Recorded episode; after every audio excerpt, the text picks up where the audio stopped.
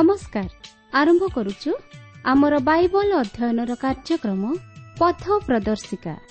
ପବିତ୍ର ବାଇବଲ କହେ ଯଦି ଆମ୍ଭେମାନେ ଆପଣା ଆପଣା ପାପ ସ୍ୱୀକାର କରୁ ତେବେ ସେ ଆମ୍ଭମାନଙ୍କର ପାପ କ୍ଷମା କରିବାକୁ ଓ ସମସ୍ତ ଅଧର୍ମରୁ ଆମ୍ଭମାନଙ୍କୁ ପରିଷ୍କାର କରିବାକୁ ବିଶ୍ୱସ୍ତ ଓ ନ୍ୟାୟବାନ ଅଟନ୍ତି।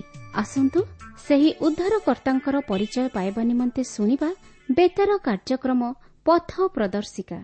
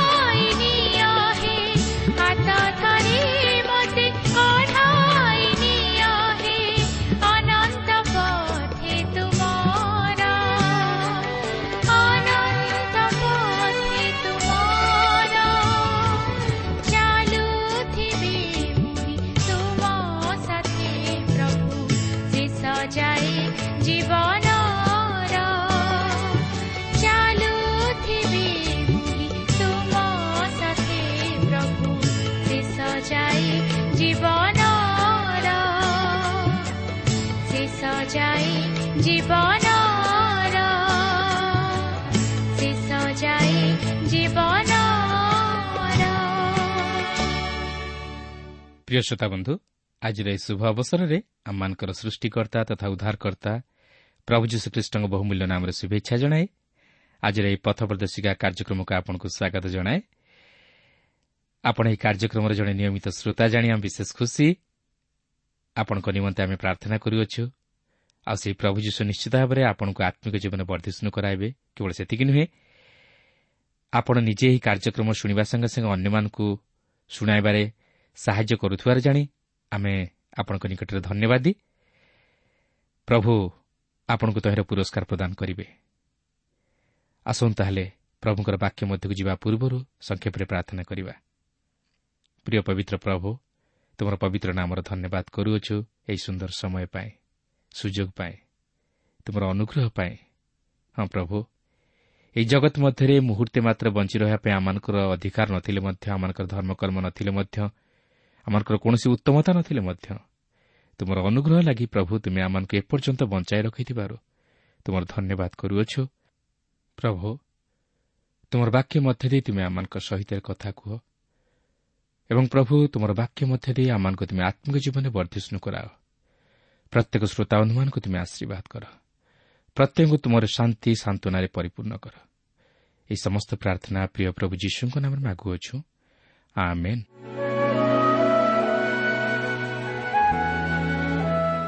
ଆସନ୍ତୁ ବର୍ତ୍ତମାନ ଆମେ ପ୍ରଭୁଙ୍କର ବାକ୍ୟ ମଧ୍ୟକୁ ଯିବା।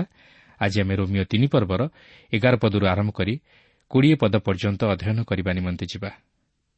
ଆପଣଙ୍କର ମନେଥିବ ଗତ ପାଠରେ ଆମେ ଦେଖିଥିଲୁ ପାଉଲ ମନୁଷ୍ୟର ପାପ ଓ ଦୁର୍ବଳତା ପ୍ରକାଶ କରିବା ସଙ୍ଗେ ସଙ୍ଗେ ଈଶ୍ୱରଙ୍କର ବିଚାର ଯେ ଯଥାର୍ଥ ତାହା ଯୁକ୍ତି ଛଳରେ ପ୍ରକାଶ କରିଥିଲେ।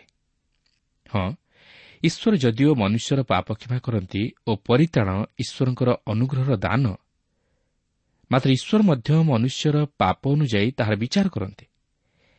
କାରଣ ପ୍ରତ୍ୟେକ ମନୁଷ୍ୟ ନିଜକୁ ପାପି ବୋଲି ବିଚାର କରନ୍ତି ଓ ସେହି ପାପରୁ ଉଦ୍ଧାର ପାଇବା ନିମନ୍ତେ ଚାହାନ୍ତି। କାହିଁକି? ଯେହେତୁ ଈଶ୍ୱର ହେଉଛନ୍ତି ନ୍ୟାୟ ବିଚାରକର୍ତ୍ତା ଓ ସେ ମନୁଷ୍ୟକୁ ମଧ୍ୟ ତାହା ଜଣାଇ ଦେବାକୁ ଚାହାନ୍ତି। ତଥାପି ସେ ମନୁଷ୍ୟର ଉଦ୍ଧାର ନିମନ୍ତେ ଏକ ଯୋଜନା ପ୍ରସ୍ତୁତ କରି ରଖିଅଛନ୍ତି। ତେଣୁ ମନୁଷ୍ୟର ପାପ ଈଶ୍ୱରଙ୍କର ଧାର୍ମିକତାକୁ ସ୍ମରଣ କରାଇଦିଏ ଓ ଈଶ୍ୱରଙ୍କ ମହିମାକୁ ଆଗେଇ ନିଏ।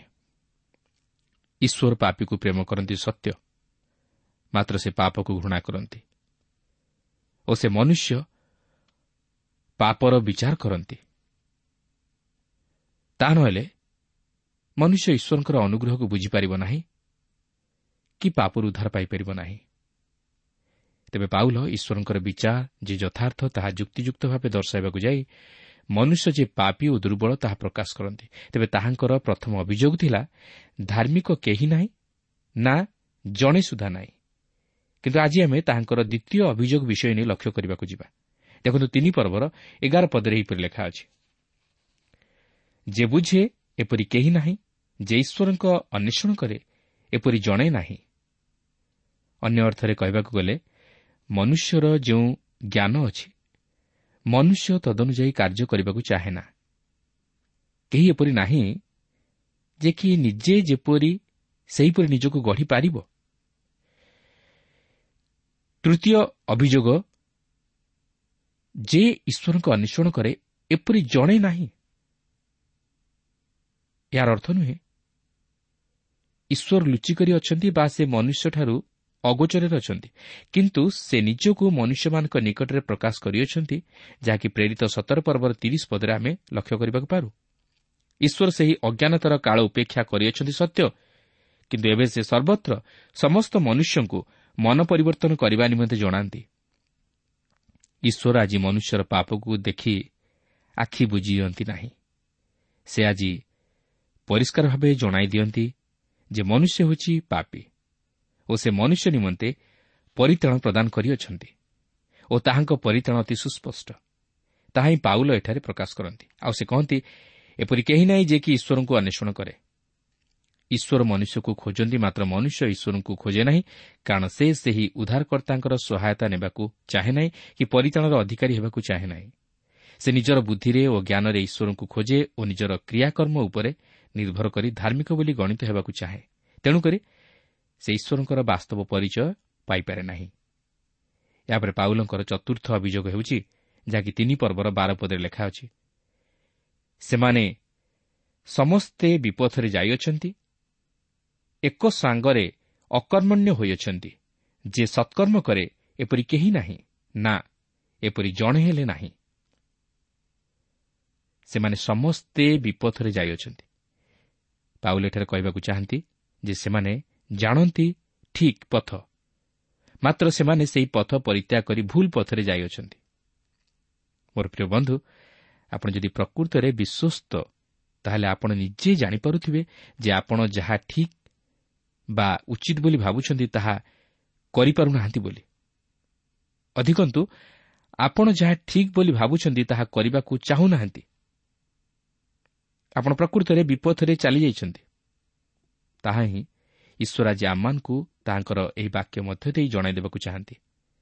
ଏହାପରେ ପଞ୍ଚମ ଅଭିଯୋଗ ହେଉଛି ସେମାନେ ଏକ ସାଙ୍ଗରେ ଅକର୍ମଣ୍ୟ ହୋଇଅଛନ୍ତି।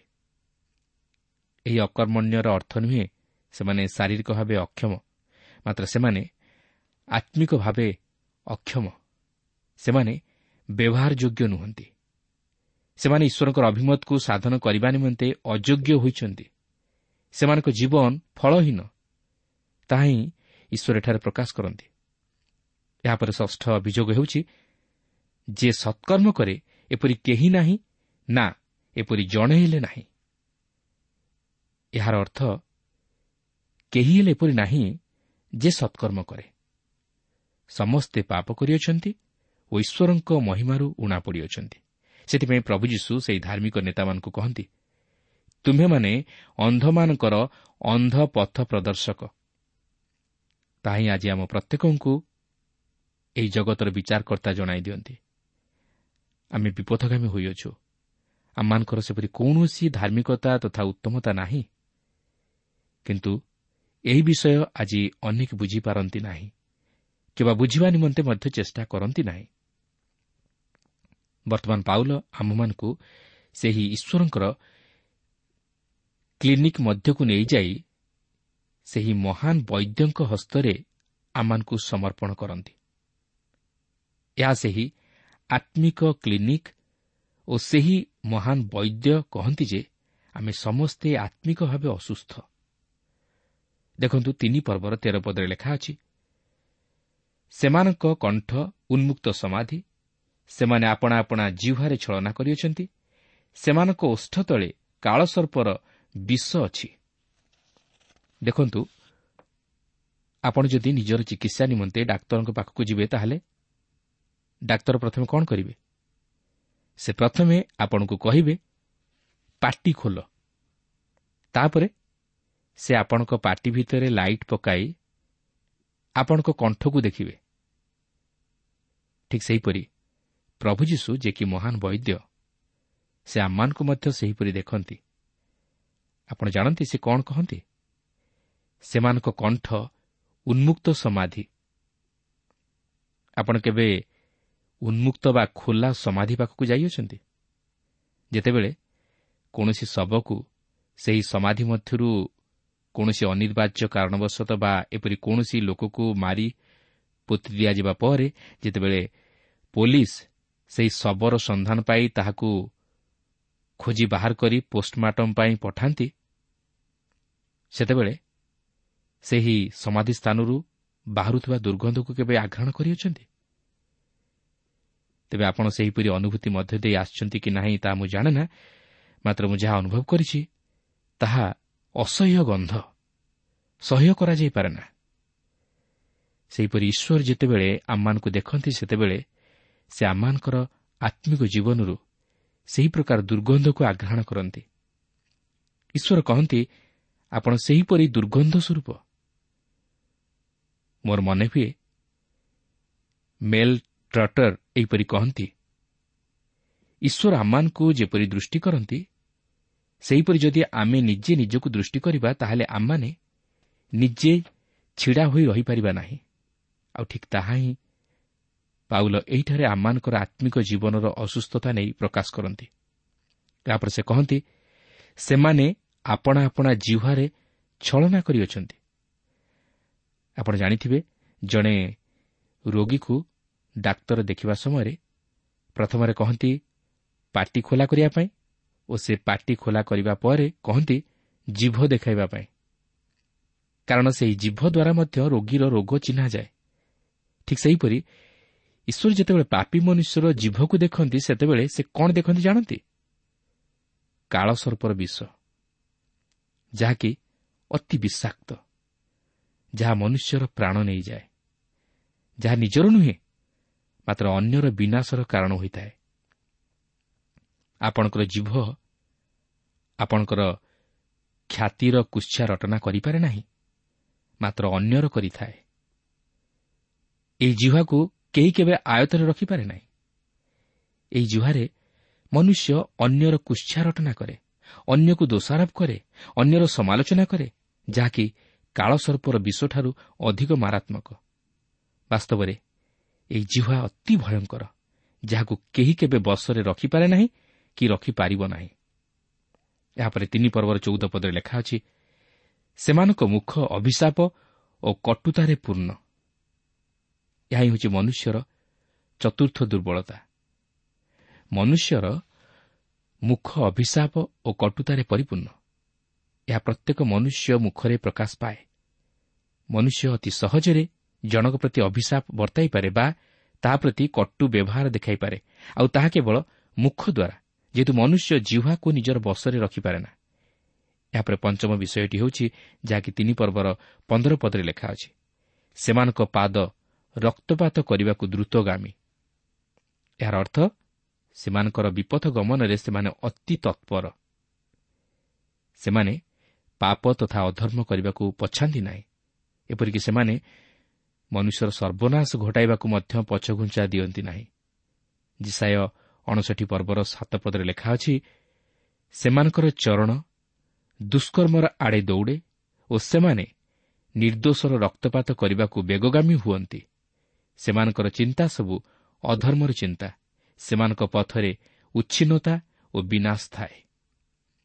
ଆପଣ ଦେଖନ୍ତୁ ମନୁଷ୍ୟ ଯେତେବେଳେ କୌଣସି ଦୁଷ୍କର୍ମ ବା ଅଧର୍ମ କରିବାକୁ ଯାଏ ସେତେବେଳେ ସେ ଅତିଶୀଘ୍ର ତାହା ସାଧନ କରିବା ନିମନ୍ତେ ବ୍ୟଗ୍ର ହୁଏ ଓ ସେହି ସମୟରେ ତାହାକୁ କୌଣସି ଶକ୍ତି ଅଟକାଇପାରେ ନା। ଏହା ହେଉଛି ମନୁଷ୍ୟର ଦୁର୍ବଳତା। ସେ ଅତି ସହଜରେ ଓ ଶୀଘ୍ର ପାପରେ ପତିତ ହୁଏ। ଏହାପରେ ତିନି ପର୍ବର ଷୋହଳ ପଦରେ ଲେଖା ଅଛି ସେମାନଙ୍କ ପଥରେ ବିନାଶ ଓ କ୍ଲେଶ। ଯେଉଁମାନେ ଏହିପରି ଜୀବନଯାପନ କରନ୍ତି ସେମାନେ ବିନାଶ ଓ କ୍ଲେଶର ସମ୍ମୁଖୀନ ହୁଅନ୍ତି। କାରଣ ଈଶ୍ୱର ସେମାନଙ୍କର ବିଚାର କରନ୍ତି। ଈଶ୍ୱର ଯଦିଓ କ୍ଷମାଶୀଳ ଓ ପ୍ରେମମୟ ମାତ୍ର ସେ ମଧ୍ୟ ଆମମାନଙ୍କର ବିଚାରକର୍ତ୍ତା। ସେ କେବେ ହେଲେ ନିର୍ଦ୍ଦୋଷୀକୁ ଦୋଷୀ କରାଇବେ ନାହିଁ। କି ଦୋଷୀକୁ ନିର୍ଦ୍ଦୋଷୀ କରିବେ ନାହିଁ। ଏହାପରେ ତିନି ପର୍ବର ସତର ପଦରେ ଲେଖା ଅଛି ପୁଣି ଶାନ୍ତିର ପଥ ସେମାନେ ଜାଣନ୍ତି ନାହିଁ। ପବିତ୍ର ବାଇବଲ କହେ ଦୁଷ୍ଟମାନଙ୍କର କିଛି ଶାନ୍ତି ନାହିଁ। ଶାନ୍ତିଦାତା ହେଉଛନ୍ତି ଈଶ୍ୱର। ଯଦି ମନୁଷ୍ୟ ପାପ କରି ଈଶ୍ୱରଙ୍କଠାରୁ ଦୂରବର୍ତ୍ତୀ ଜୀବନଯାପନ କରେ ତାହେଲେ ସେ ଶାନ୍ତି ପାଇବ ବା କେଉଁଠୁ? ମନୁଷ୍ୟ ମଧ୍ୟ ଶାନ୍ତିର ପଥ ଜାଣେ ନାହିଁ। ଆଜି ଏହି ଜଗତରେ ପ୍ରତ୍ୟେକ ମନୁଷ୍ୟ ଶାନ୍ତି ଚାହାନ୍ତି। ମାତ୍ର ଶାନ୍ତି ମିଳୁଛି କେଉଁଠୁ?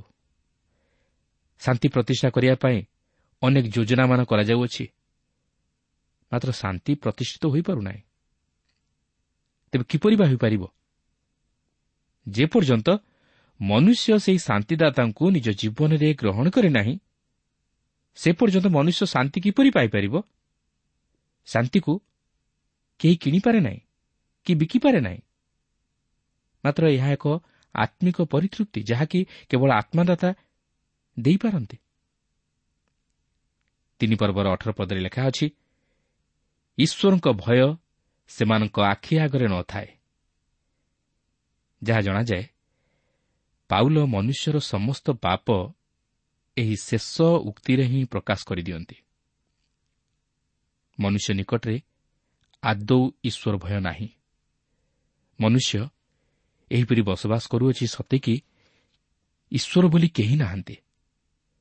ପ୍ରକୃତରେ ମନୁଷ୍ୟ ଈଶ୍ୱରଙ୍କର ବିରୁଦ୍ଧାଚରଣ କାର୍ଯ୍ୟ କରୁଅଛି। ଯଦି ମନୁଷ୍ୟ ମନରେ ଈଶ୍ୱର ଭୟ ଥାନ୍ତା ତାହେଲେ ମନୁଷ୍ୟ ଏପରି ପାପରେ ଜୀବନ ଅତିବାହିତ କରନ୍ତା ନାହିଁ। ଈଶ୍ୱରଙ୍କ ବିଚାରର ଭୟ ଯଦି ମନୁଷ୍ୟ ମନରେ ଥାନ୍ତା ତାହେଲେ ମନୁଷ୍ୟ ପାପ ପ୍ରତି ସତର୍କତା ଅବଲମ୍ବନ କରନ୍ତା। ହଁ ଈଶ୍ୱର ମନୁଷ୍ୟ ପ୍ରତି ମହା ଅନୁଗ୍ରହ ପ୍ରକାଶ କରିଅଛନ୍ତି। କିନ୍ତୁ ଏହାର ଅର୍ଥ ନୁହେଁ ସେ ପାପ ପ୍ରତି ଆଖି ବୁଝି ଦିଅନ୍ତି। ଯଦି ସେପରି ହୋଇଥାନ୍ତା ତାହେଲେ ପାପରୁ ଉଦ୍ଧାର କରିବା ନିମନ୍ତେ ପ୍ରଭୁ ଯୀଶୁଖ୍ରୀଷ୍ଟଙ୍କୁ କୃଷିୟ ଯନ୍ତ୍ରଣା ସହ୍ୟ କରି ପବିତ୍ର ରକ୍ତ ଦେବା ଆବଶ୍ୟକ ହୋଇନଥାନ୍ତା। ଏତଦ୍ୱାରା ଆମେ ଜାଣୁ ପାପର ଭୟଙ୍କରତା କେତେ ଓ ଏହାର ପରିଣାମ କେତେ ଭୟଙ୍କର। ତେଣୁ ଆସୁ ପାପରୁ ପୃଥକୀକୃତ ଜୀବନଯାପନ କରି ଈଶ୍ୱରଙ୍କର ମହତ୍ ଅଭିମତକୁ ସଫଳ କରିବାକୁ ଚେଷ୍ଟା କରୁ ଓ ଈଶ୍ୱରଙ୍କ ବିଚାରରୁ ରକ୍ଷା ପାଇ ସେହି ଅନନ୍ତ ଜୀବନର ଅଧିକାରୀ ହେଉ। ବର୍ତ୍ତମାନ ଆମେ ଶେଷରେ ଦେଖିବା ପାଉଲ ପାପ ବିଷୟ ନେଇ କ'ଣ କହନ୍ତି। କାରଣ ତଥାପି ଏବେ ମଧ୍ୟ ଏହିପରି ଲୋକମାନେ ଅଛନ୍ତି ଯେଉଁମାନେ ବ୍ୟବସ୍ଥା ଅନୁଯାୟୀ ଜୀବନଯାପନ କରି ଈଶ୍ୱରଙ୍କର ଧାର୍ମିକତା ସାଧନ କରିପାରିବେ ବୋଲି ସେମାନଙ୍କର ମତ ବ୍ୟକ୍ତ କରନ୍ତି। ତେଣୁ ସେହିପରି ମନୋଭାବର ଲୋକମାନଙ୍କୁ ଦୃଷ୍ଟି ଆଗରେ ରଖି ପାଉଲ ପାପ ବିଷୟ ନେଇ କେତେକ ନିଗୁଢ଼ ବିଷୟ ପ୍ରକାଶ କରନ୍ତି। ତିନି ପର୍ବର ଉଣେଇଶ ପଦେ ଲେଖା ଅଛି ଆଉ ଆମ୍ଭେମାନେ ତ ଜାଣୁ ଯେ ବ୍ୟବସ୍ଥା ଯାହା ଯାହା କୁହେ ସେହିସବୁ ବ୍ୟବସ୍ଥାଧୀନ ଲୋକମାନଙ୍କୁ କୁହେ ଯେପରି ପ୍ରତ୍ୟେକ ମୁଖ ବନ୍ଦ କରାଯିବ ଓ ସମସ୍ତ ଜଗତ ଈଶ୍ୱରଙ୍କ ବିଚାରରେ ଦଣ୍ଡନୀୟ ହେବ। ଦେଖନ୍ତୁ ପାଉଲ ଏପରି କହିବାର ଉଦ୍ଦେଶ୍ୟ ହେଉଛି ମନୁଷ୍ୟ ମୂଷାଙ୍କ ବ୍ୟବସ୍ଥା ଅନୁଯାୟୀ ଧାର୍ମିକ ଗଣିତ ହୋଇପାରିବ ନାହିଁ ବରଂ ସେ ପାପି ବୋଲି ବିଚାରିତ ହେବ। କାରଣ ବ୍ୟବସ୍ଥା ପାପର ବୋଧ ଜନ୍ମାଏ ଓ ମନୁଷ୍ୟକୁ ତାହାର ପାପ ଦେଖାଇଦିଏ କିନ୍ତୁ ତାହାକୁ ପାପରୁ ଉଦ୍ଧାର କରିପାରେ ନା। ବ୍ୟବସ୍ଥା ମନୁଷ୍ୟକୁ ତାହାର ପାପ ନିମନ୍ତେ ଦୋଷାରୋପ କରେ ଦଣ୍ଡିତ କରେ ଓ ଭୟ ଦେଖାଏ। ମାତ୍ର ଏହା ମନୁଷ୍ୟକୁ ଉଦ୍ଧାର କରିପାରେ ନା। ହଁ ଏହା ଏତିକି କରିପାରେ ମନୁଷ୍ୟକୁ ସେହି ଉଦ୍ଧାରକର୍ତ୍ତାଙ୍କ ଆଡ଼କୁ କଢ଼ାଇ ନିଏ। କୌଣସି ମନୁଷ୍ୟ ବ୍ୟବସ୍ଥାକୁ ଆକ୍ଷରିକ ଭାବେ ପାଳିପାରିବ ନାହିଁ। ଅଥବା ବ୍ୟବସ୍ଥା ଅନୁଯାୟୀ ଈଶ୍ୱରଙ୍କ ନିକଟରେ ଧାର୍ମିକ ବୋଲି ଗଣିତ ହୋଇପାରିବ ନାହିଁ। ଯଦି ତାହା ହୋଇଥାନ୍ତା ତାହେଲେ ପ୍ରଭୁ ଶ୍ରୀଖ୍ରୀଷ୍ଟଙ୍କୁ ଏହି ଜଗତକୁ ଆସି ବ୍ୟବସ୍ଥା ଅନୁଯାୟୀ ସମସ୍ତ ଧର୍ମକର୍ମ ସାଧନ କରି କୃଷରେ ହତ ହେବାକୁ ପଡ଼ିନଥାନ୍ତା ମନୁଷ୍ୟ ବ୍ୟବସ୍ଥା ଅନୁଯାୟୀ ଈଶ୍ୱରଙ୍କର ଗ୍ରାହ୍ୟ ଧାର୍ମିକତା ସାଧନ କରି ନ ପାରିବାରୁ ପ୍ରଭୁ ଯୀଶୁଖ୍ରୀଷ୍ଟଙ୍କୁ ଏହି ଜଗତକୁ ଆଗମନ କରିବାକୁ ହେଲା। ତେଣୁ ଯଦି କେହି କହେ ଯେ ସେ ବ୍ୟବସ୍ଥା ଅନୁଯାୟୀ ସମସ୍ତ ଧର୍ମକର୍ମ ସାଧନ କରି ଈଶ୍ୱରଙ୍କ ନିକଟରେ ଧାର୍ମିକ ଗଣିତ ହେବ ବୋଲି ତାହେଲେ ସେ କେବଳ ନିଜକୁ ପ୍ରବଞ୍ଚନା କରୁଅଛି। କାରଣ ମନୁଷ୍ୟ ସ୍ୱଭାବତଃ ପାପି ଓ ଦୁର୍ବଳ। ସେ ନିଜ ଶକ୍ତିରେ ବା କ୍ରିୟାକର୍ମରେ କେବେ ହେଲେ ଈଶ୍ୱରଙ୍କର ଗ୍ରାହ୍ୟ ଧାର୍ମିକତା ସାଧନ କରିପାରିବ ନାହିଁ। ମାତ୍ର ଖ୍ରୀଷ୍ଟଙ୍କଠାରେ ବିଶ୍ୱାସ କରିବା ଦ୍ୱାରା ଧାର୍ମିକ ଗଣିତ ହୋଇପାରିବ। ତାହା ହିଁ ପାଉଲ ଏଠାରେ ପ୍ରକାଶ କରିବାକୁ ଚାହାନ୍ତି। ଈଶ୍ୱର ବ୍ୟବସ୍ଥା ଅନୁଯାୟୀ ବିଚାର କରନ୍ତି ମାତ୍ର ଅନୁଗ୍ରହରେ ପରିତ୍ରାଣ ପ୍ରଦାନ କରନ୍ତି। କାରଣ ପରିତ୍ରାଣ ହେଉଛି ଈଶ୍ୱରଙ୍କର ଅନୁଗ୍ରହର ଦାନ। ଏହାପରେ ତିନି ପର୍ବର କୋଡ଼ିଏ ପଦରେ ଲେଖା ଅଛି କାରଣ ବ୍ୟବସ୍ଥାର କ୍ରିୟାକର୍ମ ଦ୍ୱାରା କୌଣସି ପ୍ରାଣୀ ତାହାଙ୍କ ଛାମୁରେ ଧାର୍ମିକ ଗଣିତ ହେବ ନାହିଁ ଯେହେତୁ ବ୍ୟବସ୍ଥା ଦ୍ୱାରା ପାପର ଜ୍ଞାନ ଜନ୍ମେ। ପାଉଲ ଏଠାରେ ସ୍ପଷ୍ଟ କରିଦେବାକୁ ଚାହାନ୍ତି ଯଦି ତୁମେମାନେ ଈଶ୍ୱରଙ୍କ ଦ୍ୱାରା ବିଚାରିତ ହେବାକୁ ଚାହଁ ତାହେଲେ ବ୍ୟବସ୍ଥାକୁ ଧରି ରଖ ନାହିଁ। ଯଦି ତୁମେମାନେ ଈଶ୍ୱରଙ୍କ ବିଚାରରୁ ଉଦ୍ଧାର ପାଇବାକୁ ଚାହଁ ତାହେଲେ ଖ୍ରୀଷ୍ଟଙ୍କଠାରେ ବିଶ୍ୱାସ କରି ତାହାଙ୍କୁ ନିଜ ହୃଦୟରେ ଉଦ୍ଧାରକର୍ତ୍ତା ରୂପେ ଗ୍ରହଣ କର। ତାହେଲେ ତୁମେମାନେ ଈଶ୍ୱରଙ୍କ ଦୃଷ୍ଟିରେ ଧାର୍ମିକ ଗଣିତ ହୋଇପାରିବ। କାରଣ ବ୍ୟବସ୍ଥା ଦ୍ୱାରା ତୁମେମାନେ ବିଚାରିତ ହେବ। କିନ୍ତୁ ଖ୍ରୀଷ୍ଟଙ୍କଠାରେ ବିଶ୍ୱାସ କରିବା ଦ୍ୱାରା ପାପରୁ ଉଦ୍ଧାର ପାଇ ଧାର୍ମିକ ଗଣିତ ହେବ। ତେଣୁକରି ପ୍ରିୟ ବନ୍ଧୁ ଈଶ୍ୱରଙ୍କ ବିଚାରରୁ ରକ୍ଷା ପାଇବାକୁ ହେଲେ ଓ ସେହି ଅନନ୍ତ ଜୀବନର ଅଧିକାରୀ ହେବାକୁ ହେଲେ ଆପଣ ଈଶ୍ୱରଙ୍କ ଯୋଜନା ଅନୁଯାୟୀ ଓ ତାହାଙ୍କର ଇଚ୍ଛା ଅନୁଯାୟୀ କାର୍ଯ୍ୟ କରି ତାହାଙ୍କର ନିକଟବର୍ତ୍ତୀ ହେବାକୁ ହେବ। କିନ୍ତୁ ନିଜର ଚେଷ୍ଟା ବା ଧର୍ମକର୍ମ ନେଇ ନୁହେଁ। କାରଣ ମନୁଷ୍ୟ ସ୍ୱଭାବତଃ ପାପି ଓ ଦୁର୍ବଳ। କିନ୍ତୁ ଈଶ୍ୱର ମନୁଷ୍ୟ ନିମନ୍ତେ ଏକ ଉଦ୍ଧାରର ପଥ ପ୍ରସ୍ତୁତ କରିଅଛନ୍ତି। ଯେପରି ମନୁଷ୍ୟ ନିଜର କ୍ରିୟାକର୍ମରୁ ନୁହେଁ ମାତ୍ର ଖ୍ରୀଷ୍ଟଙ୍କଠାରେ ବିଶ୍ୱାସ କରି ଓ ତାହାଙ୍କୁ ଗ୍ରହଣ କରି ପାପରୁ ଉଦ୍ଧାର ପାଇ ସେହି ଅନନ୍ତ ଜୀବନର ଅଧିକାରୀ ହୁଏ। ତେଣୁ ଆସୁ ସୁଯୋଗ ଥାଉଁ ଥାଉଁ ସେହି ପ୍ରଭୁ ଯୀଶୁଖ୍ରୀଷ୍ଟଙ୍କଠାରେ ନିଜର ପାପ ସବୁ ସ୍ୱୀକାର କରି ତାଙ୍କଠାରେ ବିଶ୍ୱାସ କରି ପାପରୁ ଉଦ୍ଧାରପ୍ରାପ୍ତ ହୋଇ ଅନନ୍ତ ଜୀବନର ଅଧିକାରୀ ହେଉ। ପ୍ରଭୁ ପ୍ରତ୍ୟେକଙ୍କୁ ଆଶୀର୍ବାଦ କରନ୍ତୁ।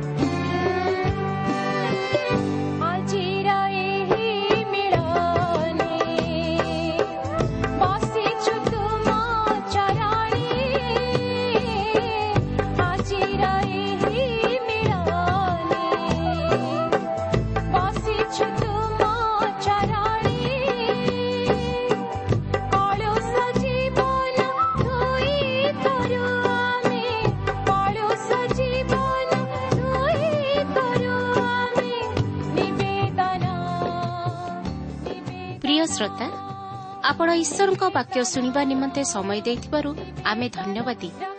ଆପଣ ଯଦି ପ୍ରଭୁ ଯୀଶୁଙ୍କର ବାକ୍ୟ ବିଷୟରେ ଓ ତାହାଙ୍କର ପ୍ରେମ ବିଷୟରେ ଅଧିକ ଜାଣିବାକୁ ଚାହାନ୍ତି ଯାହାକି ଆପଣଙ୍କୁ ପାପରୁ ଉଦ୍ଧାର ପାଇବା ନିମନ୍ତେ ପଥ ଦେଖାଇବ ତାହେଲେ ଆମ ସହିତ ପତ୍ର ମାଧ୍ୟମରେ ଅଥବା ଟେଲିଫୋନ୍ ଯୋଗେ ଯୋଗାଯୋଗ କରନ୍ତୁ। ଆମର ଠିକଣା ପଥ ପ୍ରଦର୍ଶିକା Trans World Radio India post box number ତିନି ତିନି ଭୁବନେଶ୍ୱର ସାତ ପାଞ୍ଚ ଏକ ଶୂନ ଶୂନ ଏକ। Mobile number nine seven double seven double two one four one five ଠିକଣାଟି ଆଉଥରେ ଶୁଣନ୍ତୁ। ପଥ ପ୍ରଦର୍ଶିକା Trans World Radio India post box number three three Bhubaneswar seven five one zero zero one mobile number nine seven double seven double two one four one five. ଆମର email ଆଡ୍ରେସଟି ଲେଖି ରଖନ୍ତୁ Odia TTV at radio eight eight two dot com ତେବେ ଆଜି ପାଇଁ ଏଠାରେ ରଖୁଛୁ। ପ୍ରଭୁ ଯୀଶୁ ଆପଣଙ୍କୁ ଆଶୀର୍ବାଦ କରନ୍ତୁ। ନମସ୍କାର।